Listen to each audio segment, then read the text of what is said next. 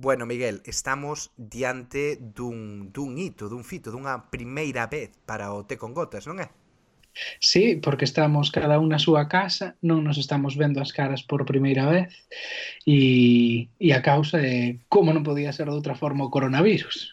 E iso que vivimos no mesmo barrio, vivimos a 10 minutos a pé un do outro pero esta vai ser a tónica habitual, Miguel por Skype e eu, e, eu co, co micro, co, co microbo, así que a partir de ahora o audio vai ser mellor o meu co teu. En función, sí, en función de como evolucionen as, os acontecementos, pero de momento, seguindo escrupulosamente as indicacións do goberno británico, pois é o que hai que facer. Pero bueno, a maiores diso, eh, acumulamos os dous varios días de enclaustramento na casa, non? Pois sí, a semana pasada, os xoves, fomos eh, Miguel e Maiseu a, a grabación dun podcast en directo, dun podcast que é referente para nós, eh, Reasons to be Cheerful, do antigo líder do Partido Laborista Ed Miliband. Eh, que, que hai que aclarar que fomos ali porque eh, me regalara Duarte sí. as entradas polo meu aniversario, hai que sí, decir. Sí. Eh, bueno, eu tiamos unhas, uns sitios da hostia, primeira fila, estupendo, un podcast, a verdad, moi interesante. Eh, en ese momento estábamos ali dentro e Miguel, ti recibes a mensaxe, a mensaxe fatídica, non? Recibo a mensaxe da miña compañeira de piso dicindo que un compañeiro, eh, bueno, co que comparte traballo e en concreto un curso de formación, eh, dera positivo en coronavirus e ela tivera desde o mércores pola tarde síntomas, eh, bueno, pois de gripe, en concreto eh, febre moderada. Eh, bueno, claro, eh, podedes vos imaginar a nosa reacción. Eh, Duarte e eu estiveramos había cuestión de minutos eh, tomando unhas pintas un enfrente do outro no pub. Eh, eu son hipocondríaco entón, bueno, pois pues nada eh, camiño da casa no tren Duarte xa sentándose tres asentos ou dous asentos máis afastado de min para non contaxiarse como se si fora eu aí un leproso. E nada, desde entón pois pues, comezamos o noso uh, enclaustramento claro. aquí na casa. Ti porque desenvolviche síntomas menores e eu por pura precaución, porque eu estou estou ben, estive todo o tempo ben, pero quedei levo en casa este desde o xoves da semana pasada. Sí, afortunadamente, pois eso, non, agora mesmo todo ben, non hai síntomas, pero tampouco podemos saber se temos o bicho dentro, porque como non hai non hai xa test, a Sanidade Pública Británica xa non fai test, e se queres facer un test privado, pois tens que pagar 400 libras. Eu non estou pola labor, así que creo que vou quedar con misterio, pero bueno, así estamos. E, e nada, nos eh, tamén, polo menos na, na miña empresa, hoxe foi o primeiro día de traballo desde casa, así que, pois eu tive que habituar a estes eh, 20 metros cadrados que temos como apartamento, porque vai a ser o meu, o meu reino dos próximos, non sei, cinco meses ou o que sexa. Oh, non digas cinco meses, pero, bueno, a ver, ti como vas levando? Eh, fatal, horrible, súbome polas paredes. Eh, ten que ser fodido ser un preso é o que, é o que penso estes días. Porque eh, por riba non tes internet sendo preso. Bueno, non sei, eh, creo que hai que hai algúns eh. ten algún algún acceso, non? Depende do eh, Non sei se acceso eh, temporal, pero eh, dubido que teñas un ordenador sí, no, ou un eh, smartphone na celda. No, no, no, eso eso seguramente non. Bueno. Hoxe imos falar do coronavirus. Dentro e intro. Think about Brexit. What, what's that? Like? Order! The nose to the left, 432. With the light, with the music, very welcome everybody here. A Brexit question in English, if you don't mind. Bueno, no, hombre, no vamos a hacer. Venga, adelante. ¿Quiere usted hacer el puñetero favor de largarse de aquí y de... No va usted a hacer nada ya. Do you like a cup of tea? Yeah, sure. Go on, have a cup of tea. Thank you, thank you. Todas as conversas que temos con familia e amigos en Galiza e eh, son sobre o coronavirus, sobre como están levando ese peche case total que hai agora mesmo no Estado español, pero aquí no Reino Unido estamos nunha situación distinta, non é, Miguel? Sí, as cousas aquí no Reino Unido están bastante máis flexibles ou bastante máis blandas eh, para quen teña referencia ao que está pasando en España, no Reino Unido oficialmente non hai ningún local pechado Os bares eh, poden seguir abertos, todo tipo de establecementos pode seguir aberto, a pesar de que o goberno británico sí que é certo que anima aos seus propietarios a pechalos e desincentiva calquera tipo de bueno, evento de masas ou evento social, a pesar de que oficialmente, como dicimos, non están prohibidos.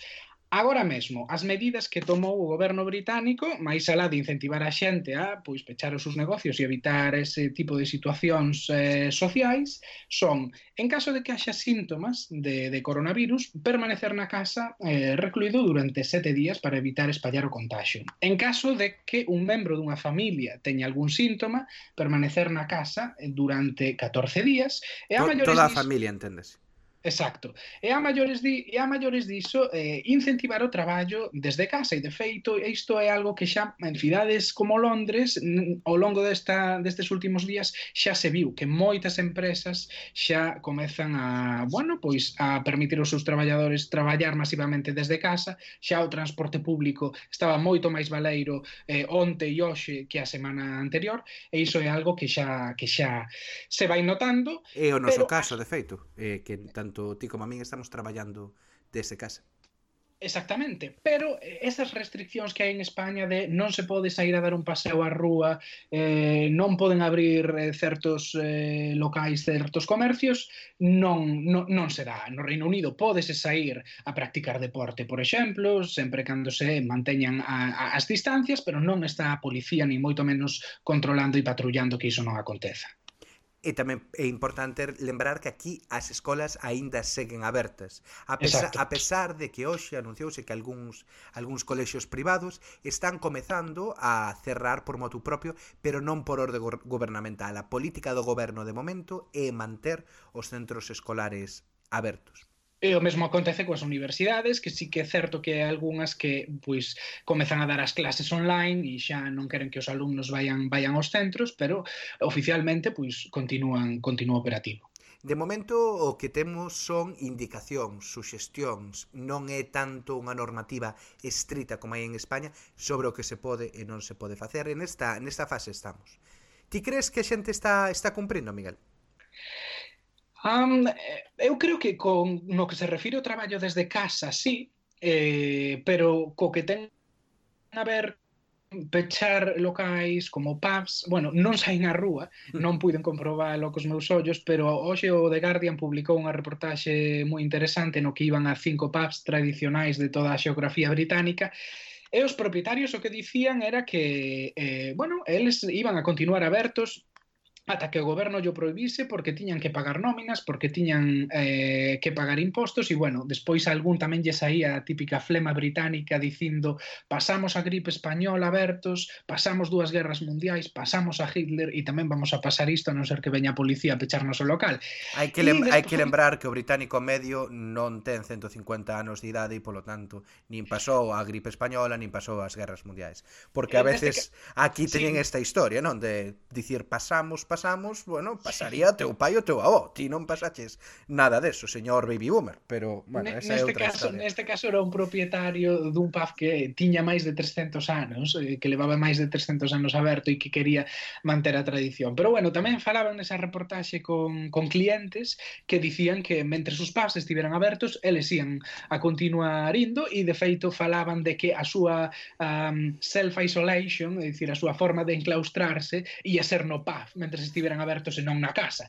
Así que, bueno, eu creo que cumplir, cumplir, eh, non están cumplindo. Isto, con todo, é un avance con respecto á postura que tiña o goberno hai unha semana, non? Bueno, non sei se é un avance, pero desde logo é un cambio. Eh, aquí houve un cambio de estrategia moi importante. Eh, hai cuestión dunha semana ou duns días, un par de días realmente, a postura do goberno era o que se entende como mitigación. É dicir, que non queren eh, bloquear completamente a transmisión do virus, entenden que iso non é posible, entón simplemente o que queren é ilo retrasando e que a, a comunidade se vaya inmunizando eh, a través de quedar infectada e contactar con, eh, entrar en contacto co, co virus. A teoría o que diría é que se ti entras en contacto eh, co virus, se enfermas e despois curas, non vas a volver a pillar esa mesma cepa do virus. Non é o mesmo que a, a cepa do a seguinte ou, ou variedades do virus. Pero o mismo principio co, coa gripe, que na tempada de gripe ti podes pillar a gripe unha vez, unha vez que a colliches, xa non a podes volver a coller. É que se a xente se iba infectando pouco a pouco, que iso faría que a, to, a sociedade pois fose máis inmune e no futuro eso servise para facer decaer eh, decaer o virus pero esa opción agora mesmo considerase eh, pouco realista ou que non vai cumprir eses, eses obxectivos. Claro, vos preguntaredes vos por que agora eh, pouco realista cando simplemente pasou unha semana? Bueno, eh, Pois o goberno británico ten nas súas mans agora un novo informe elaborado polo Imperial College, que é bueno, unha das institucións académicas máis prestixiosas do país, polo cal dicían que seguindo as recomendacións que, e as restriccións que estaban establecidas nesa fase de mitigación, o número de mortos podería chegar a 260.000 en todo o país, incluindo non só os afectados por coronavirus, sino todas aquelas persoas que terían outras enfermidades e non poderían ser tratados a tempo pola sanidade pública que estaría totalmente colapsada. Este informe eh, pois trata eh, analiza os datos máis recentes que hai do impacto do virus na China e en Italia e claro, aí o que se ve é que a porcentaxe de xente hospitalizada eh, é máis alta do que se prevía e dentro dos hospitalizados a porcentaxe de xente que ten que ir a UCI é máis alta do que se, do que se cría, en torno a un 30% dos hospitalizados no caso de Italia eh, están sendo tratados na UCI. Claro, eso, de acordo cos recursos que ten o NHS agora mesmo, implicaría o colapso total da sanidade. Por iso o goberno británico decide cambiar a postura, eh, aumentar as restriccións e intentar reducir o número de, bueno, de, de, de infeccións e de mortes, en última instancia. Este é un informe moi interesante, a verdade, a, que a calquera persoa que vive aquí no Reino Unido eu recomendo yo ler porque aprendese un montón das distintas estrategias e das distintas eh, opcións que, que teñen os gobernos a nivel de política, un informe de 20 de 20 páxinas eh, que se lee moi ben, non é algo moi técnico, claramente está diseñado para xente do mundo da política e das políticas públicas, non tanto para eh, científicos, e a verdade é que é unha lectura moi interesante e agora estou completamente acojonado sobre o que sobre o que nos ven, así que se vos queredes asustar con rigor científico, por favor, lede, lede este informe que, que, que non defrauda. Claro, eh, porque... Dime, sí non, ia dicir que nos este escoitando pensará, bueno, pero estas restriccións en comparación co que hai en España ou en Italia non son non son nada. É certo, e hai que dicir que o goberno británico xa advertiu de que probablemente eh, todas as persoas de máis de 70 anos terán que pasar nas súas casas eh, ailladas un período de como mínimo 4 meses, no que vai ser un esforzo que eles, como lles gusta sempre usar este adxetivo, esforzo de tempos de guerra, mm. eh, para manter a xente pois non só nas súas casas, sino tamén provista de, de atención, provista de alimentación, de cuidados.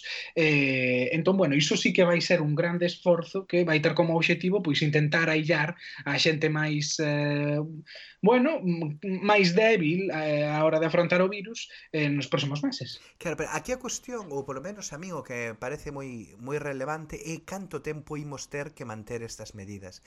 Porque eu teño a sensación, cando falo coa xente, tanto aquí como, como en Galiza, e que hai unha idea de que isto vai ser durante un período relativamente curto de tempo. E eu penso, a sensación que me dá polas declaracións que, que, que escoito o goberno é que non quixeron entrar dentro desta estrategia de supresión e que estaban coa estrategia de mitigación eh, porque non vían moi factible que a poboación asumise o duro destas medidas durante un período prolongado de tempo.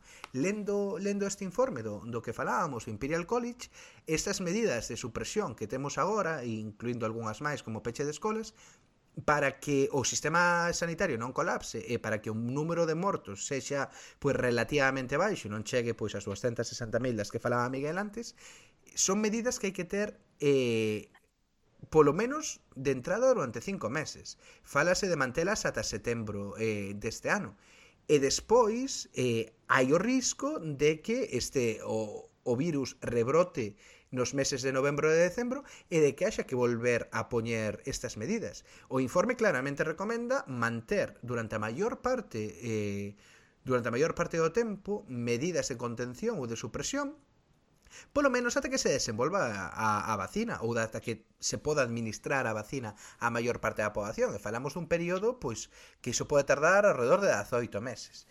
Entón temos que pensar no longo que vai ser que vai a ser este este proceso, non é algo dun par de semanas e despois imos volver á normalidade e que malia todo, a pesar de todas, esa, de todas esas novas medidas e eses cinco meses, a previsión eh, dese informe é que o número de mortos eh, ronde a, aos 20.000 ou algo menos, que é unha cifra moi elevada, eh, pero bueno, eh, con, con, con esa previsión desa fase de supresión, de supresión eh, son as cifras, as estimacións que, que se barallan nese informe. Eu o que me pregunto eh, é o impacto económico e o que me preocupa é o impacto económico que, que iso pode ter na, na economía do Reino Unido, tamén no que pode pasar no Estado español eh, e no resto de Europa, pero na economía do Reino Unido ter o país durante cinco meses nesas circunstancias, porque lóxicamente eh, o transporte vai a caer en picado, eh, o consumo de pubs, de ocio, de outro tipo de servizos vai a caer en picado e iso vai ter un impacto enorme. Sí, sí, totalmente. O goberno acaba de anunciar agora un paquete de medidas eh, económicas que canto dixeron 330 330.000 millóns eh, 330.000 millóns en préstamos a empresas, que é unha medida claro. similar a, bueno, apoiada, aprobada polo goberno de, de Macron e de Pedro Sánchez tamén. Eh, claro, pero non unha medida, polo menos polo de agora, que se dirixe aos traballadores, como sí que se fixeron noutros, eh, noutros países, nos que se pagaban eh, salarios ou parte ou parte dos salarios, senón que esta hora, de, polo de agora eh, é unha medida dirixida ás empresas. Como diste, en créditos e tamén hai algo de digamos, como de bolsas ou, ou, ou de financiación directa que se pode dar a negocios que o estén pasando mal. Si, sí, o gordo serían estos 330.000 eh, millóns en préstamos, despois habería descontos no pago de impostos a empresas, despois habería eh, entrega de cartos eh, entre 25.000 e 10.000 libras a, a negocios, descontos do pago do IBI comercial para negocios tamén, pero para a xente, por así dicilo, o único que se falou de momento é que todos aqueles que estiveran enfermos co coronavirus terían eh, exención de tres meses no pago da, da hipoteca. Pero estamos falando da hipoteca, non se fala de, dos rentistas, non se fala dos que están a pagar un alugueiro, que é moitísima xente no, no Reino Unido, por tanto, sí que chama atención que de momento para a xente máis humilde, aqueles que non son mm. empresarios ou non teñen unha empresa, non houbo moita, bueno, pois moita moito anuncio de axuda económica. No, é o que dis ti, o impacto na economía eh, da economía eh, real vai ser vai ser tremendo. Hoxe cando saín por primeira vez pois a dar un paseo que me dise un pouco aire e eh, pasabas por diante dos restaurantes ou, ou dos bares estaban completamente baleiros. Iso vaise notar vai ter un impacto eh, moi grande hai xente que vai que vai perder o seu traballo e, e, e iso vai afectar como sempre ao, ao consumo e ao, a, a economía a nivel global eu te, claro, hai que lembrar que no caso do Reino Unido, se estamos a falar dun escenario de tantos meses, isto vai ter un impacto importante e a maiores hai que engadir o Brexit, que xa eh, contaba contaba con ser algo negativo para, para a economía, pero a final de ano eh, vai haber Brexit. Bueno. Eh, eu, eu pregúntome se si nestas circunstancias, eh, como imagino que xa ibas a suxerir, si, si vai acontecer. Claro, ¿no? Porque... a ver, eu polo que estive lendo en as indistintos medios, non parece descabellado que, que se vai a pospoñar sí. porque claro. non ah, é dicir, é, un, é unha situación excepcional non se xa a, a, se xa a idea de, de que o Reino Unido saíse en xa, xa, bueno, saíse de que houvese un acordo comercial para xaneiro do, eh, do ano 2021 era difícil sen unha pandemia global, agora pois os esforzos dos gobernos están orientados a, a deter esta, esta pandemia, entón supoño que haberá que haberá que retrasar o, o Brexit. Claro. E despois outra cousa que Duarte e máis eu eh, levamos falando desde a última semana bastante, é moi curioso sobre como o goberno británico, eh, independentemente de se ao final cambiou de opinión ou non, como o goberno británico tomou as decisións baseándose tamén eh, na psicoloxía comportamental da, da sociedade, non? Mm. Sí, é algo que me parece bastante interesante. Saiu moito moito na prensa que a hora de tomar as decisións pois primaba ou, ou había unha parte importante de psicoloxía do, comporta, do comportamento no cal se tomas unha medida como vai a reaccionar o gordo o gordo da poboación e pareceume non sei, máis alá eh, máis alá deso da, do que diste de que cambiase a opinión pois pareceume importante non que ou interesante que non só so aplicas unha medida en función do que de como funciona en papel, senón a capacidade da túa sociedade de, de responder eh, a iso, porque hai cousas que igual funcionan en China cun determinado eh, cunha determinada cultura ou cun determinado modelo político que son difíciles ou máis difíciles de trasladar eh, a unha sociedade como a do Reino Unido. Isto non é ningunha crítica á sociedade chinesa nin á sociedade británica simplemente son características sociais e históricas e culturais distintas e, e unha, e determinado tipo de medidas, pois aquí eh, o goberno é consciente de que hai máis dificultades para que se cumpla no longo prazo. E se tens que estar cinco meses recluído na casa, pois é máis doado que en algún momento a xente empece, empeza a ver a ver cracks e que a xente de, e que a xente deixe de cumplir. Pero en calquera caso tamén hai unha cuestión que a min e isto xa é un é, como decir, momento de Duarte Duarte cabreado hai, hai a veces, cando leo, cando leo a prensa, a prensa lá, a prensa española ou a prensa galega, eh, e o xeito no que falan de como toma decisións Boris Johnson pareceme que é dunha caricatura hasta hasta ridícula. Parece que Boris Johnson é un, un loco, un, un excéntrico que sí. toma decisións así de xeito completamente errático que un día pois se lle ocurre eh, falar de, de inmunización colectiva e eh, que é o que vai aplicar. Eh, de verdade, eu estou convencido de que non é así. Boris Johnson, máis alada a súa pinta de excéntrico, é un político cos ideas moi claras a respecto do que quere facer e non é un loco. As decisións que toma podes estar de acordo, podes non estar de acordo, pero non son arroutadas. Hai, hai, hai materia gris detrás ou debaixo dese pelo loiro. Entón, a veces que, que caemos un pouquiño na ridiculización da, eh, do, do personaxe e non o tratamos como un político serio, de verdade, é un político moi serio, independentemente de que nós pois xa comentamos moitas veces as nosas discrepancias con moitas da política de Boris Johnson, pero non non creo que sexa sano caer nesta ridiculización. Fin do momento Duarte Cabrea. Quero eh, si, eu en algunha cousa do Brexit, por exemplo, non sei se habería moita materia gris máis alade para pensar no seu propio futuro, pero sí que é certo que neste caso, na cuestión do, das propostas que se fixeron para paliar o coronavirus, eh, había un equipo científico detrás e cando comparecía Boris Johnson, comparecían dous técnicos, do, xente que sabe que é experta do ámbito científico e sanitario, que estaban, bueno, avalando e había xente da comunidade científica do Reino Unido que eh, para moitos asuntos é punteira a nivel mundial, eh, respaldando a postura do do goberno británico. Así que non foi claro. simplemente un despertar un día de Boris Johnson que dixo, imos facer isto e todo o mundo no goberno foi detrás. Había, bueno, pois un estudo mm. técnico e académico detrás. Claro, que tamén había outra xente, moita outra xente que non estaba de acordo, pero eso, eso tamén é ciencia, ou seja, tipo de ter dúas posturas eh, razonadas, eh, distintas e ao final hai algunha que vai ser mellor que a outra, pero non non son ocorrencias, eh, por dicilo, por dicilo así.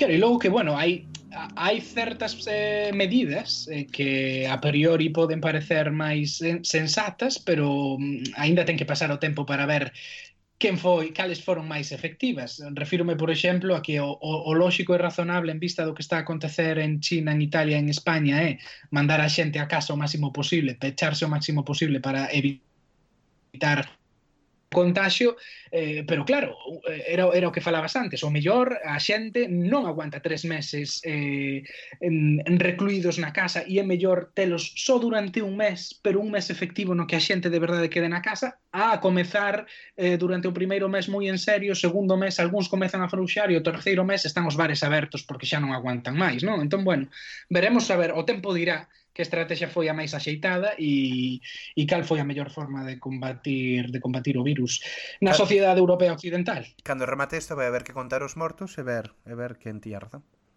Pois tan fácil e tan simple e negro como iso, sí.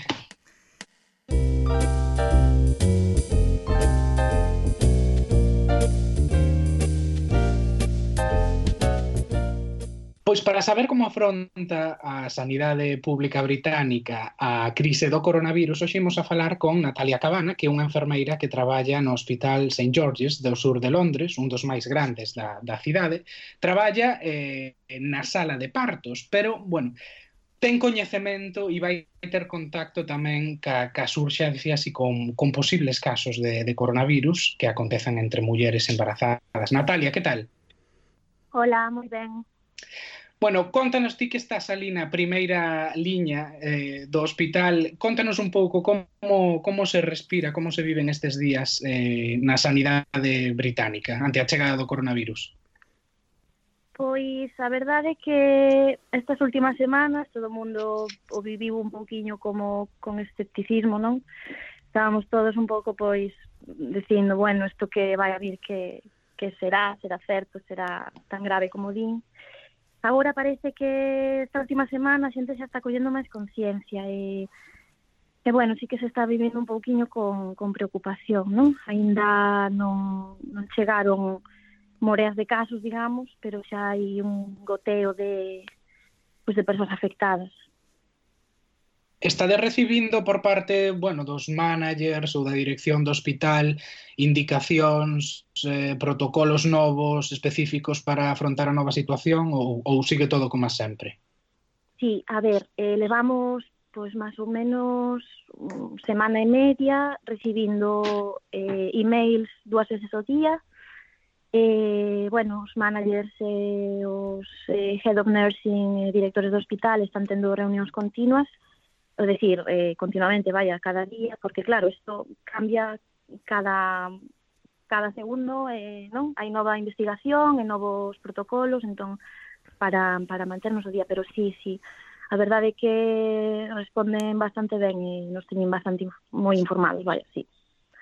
Bueno, unha preguntiña, Natalia. Mira, é que antes estábamos falando, Miguel e máis eu, sobre bueno, a política que está seguindo o goberno a este respeto e unha das cousas que parece que lles preocupaba era a capacidade eh, do, do Servizo de Saúde para atender a todas as persoas que requerirían asistencia médica se este virus se sigue eh, se sigue sigue avanzando eh, e falaban concretamente dun tipo de cama ou dun tipo de coidados eh, máis intensivos ou, ou con máis eh, medios. Podesmos explicar un pouquiño o centro hospital en que se, en que consisten estas estas camas ou estes espazos para coidados críticos e por que son tan difíciles de cubrir?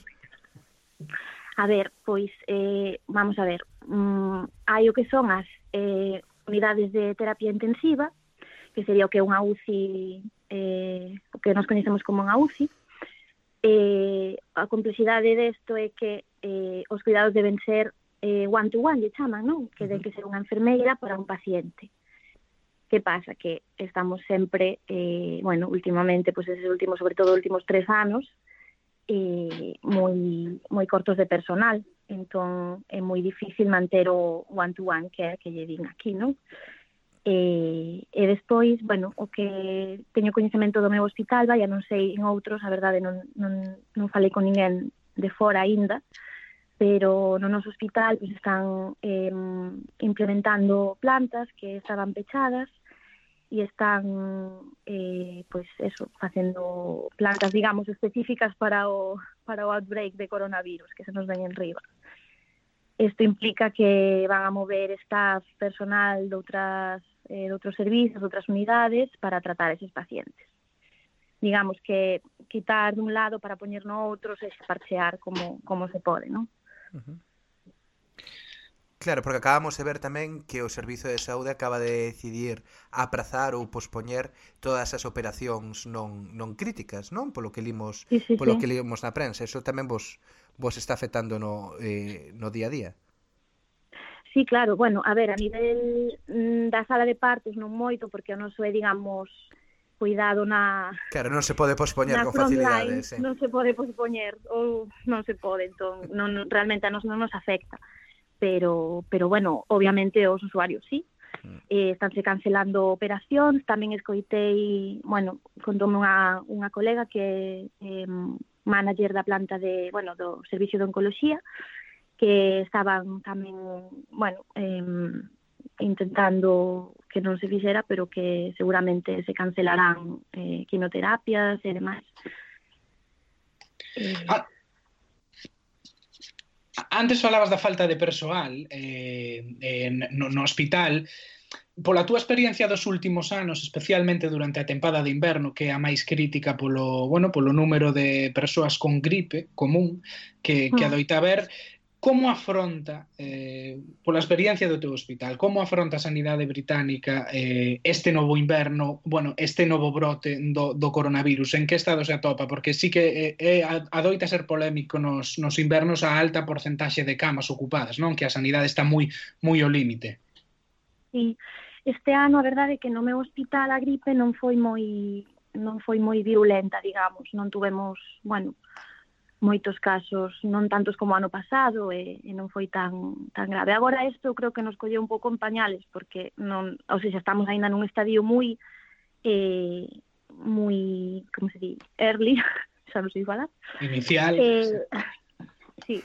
eh, pero pero bueno, eh, eh, vamos, normalmente o que a solución que hai aquí é mm, pois a xente que, que está traballando, digamos, que ten un contrato permanente, pois incentívase a facer turnos extra e tamén se contrata moito personal de axencias, non? Que son unha cousa que existe aquí que non vin en outro en ningún outro país, son unhas axencias que se encargan de pois de, de abastecer, digamos, os hospitais con, con personal, pero son axencias privadas, entón o NHS estalle pagando a eh, empresas privadas por, por persoal, vaya.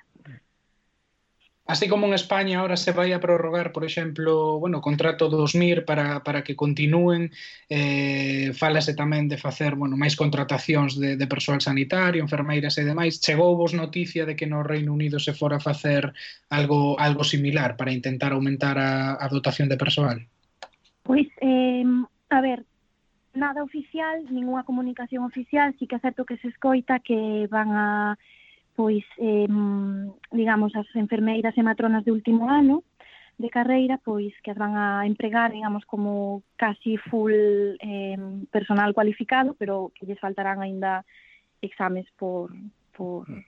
por dar, eh, pero, bueno, vamos, son rumores, por agora nada. Mm. E, ademais, de feito, hoxe chegounos un correo que nos están eh, aclarando dúbidas e demais, porque se decía que igual nos empezaban a cancelar vacacións ou días libres e de momento non se vai a tomar ninguna desas medidas. O sea, que están intentando, por un lado, cuidarnos. Tamén se tamén vimos por eh, na prensa que unha das políticas do goberno era traer de volta a profesionais sanitarios que, que estivesen retirados. Iso comentouse algo no, no hospital ou se, simplemente foi un globo sonda ou, un, uh, ou algo que botaron ao aire sen, sen despois continuar eh, con políticas?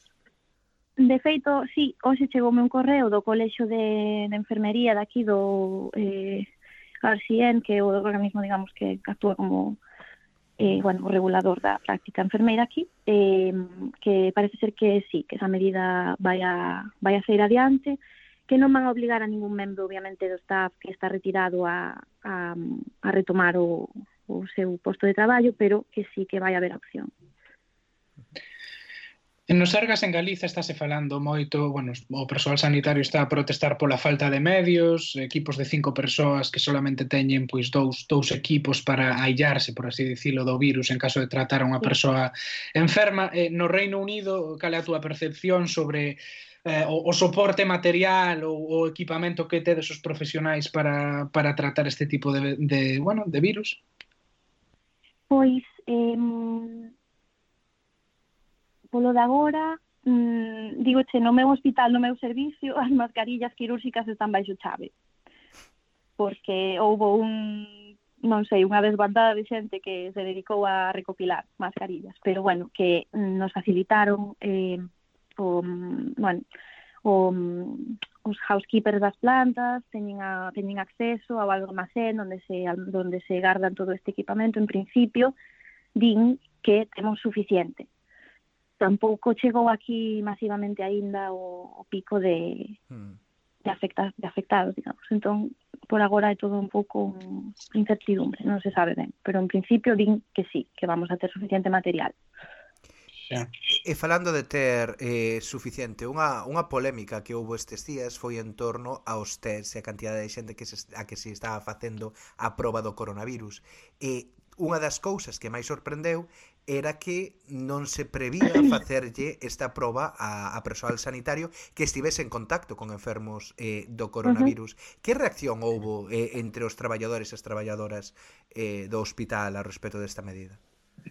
Pois moita preocupación, a verdade, e, bueno, escalamos, digamos, mm, o tema aos managers, e, por exemplo, eh, no meu hospital, bueno, porque se decía que a menos que non tuvera síntomas ou estuveras en contacto con un paciente que tuvera coronavirus, non se iba a realizar o test, co cal así é moi difícil levar a cabo o aislamento e protexer a máis xente se si tú estás pasando o virus non te das conta.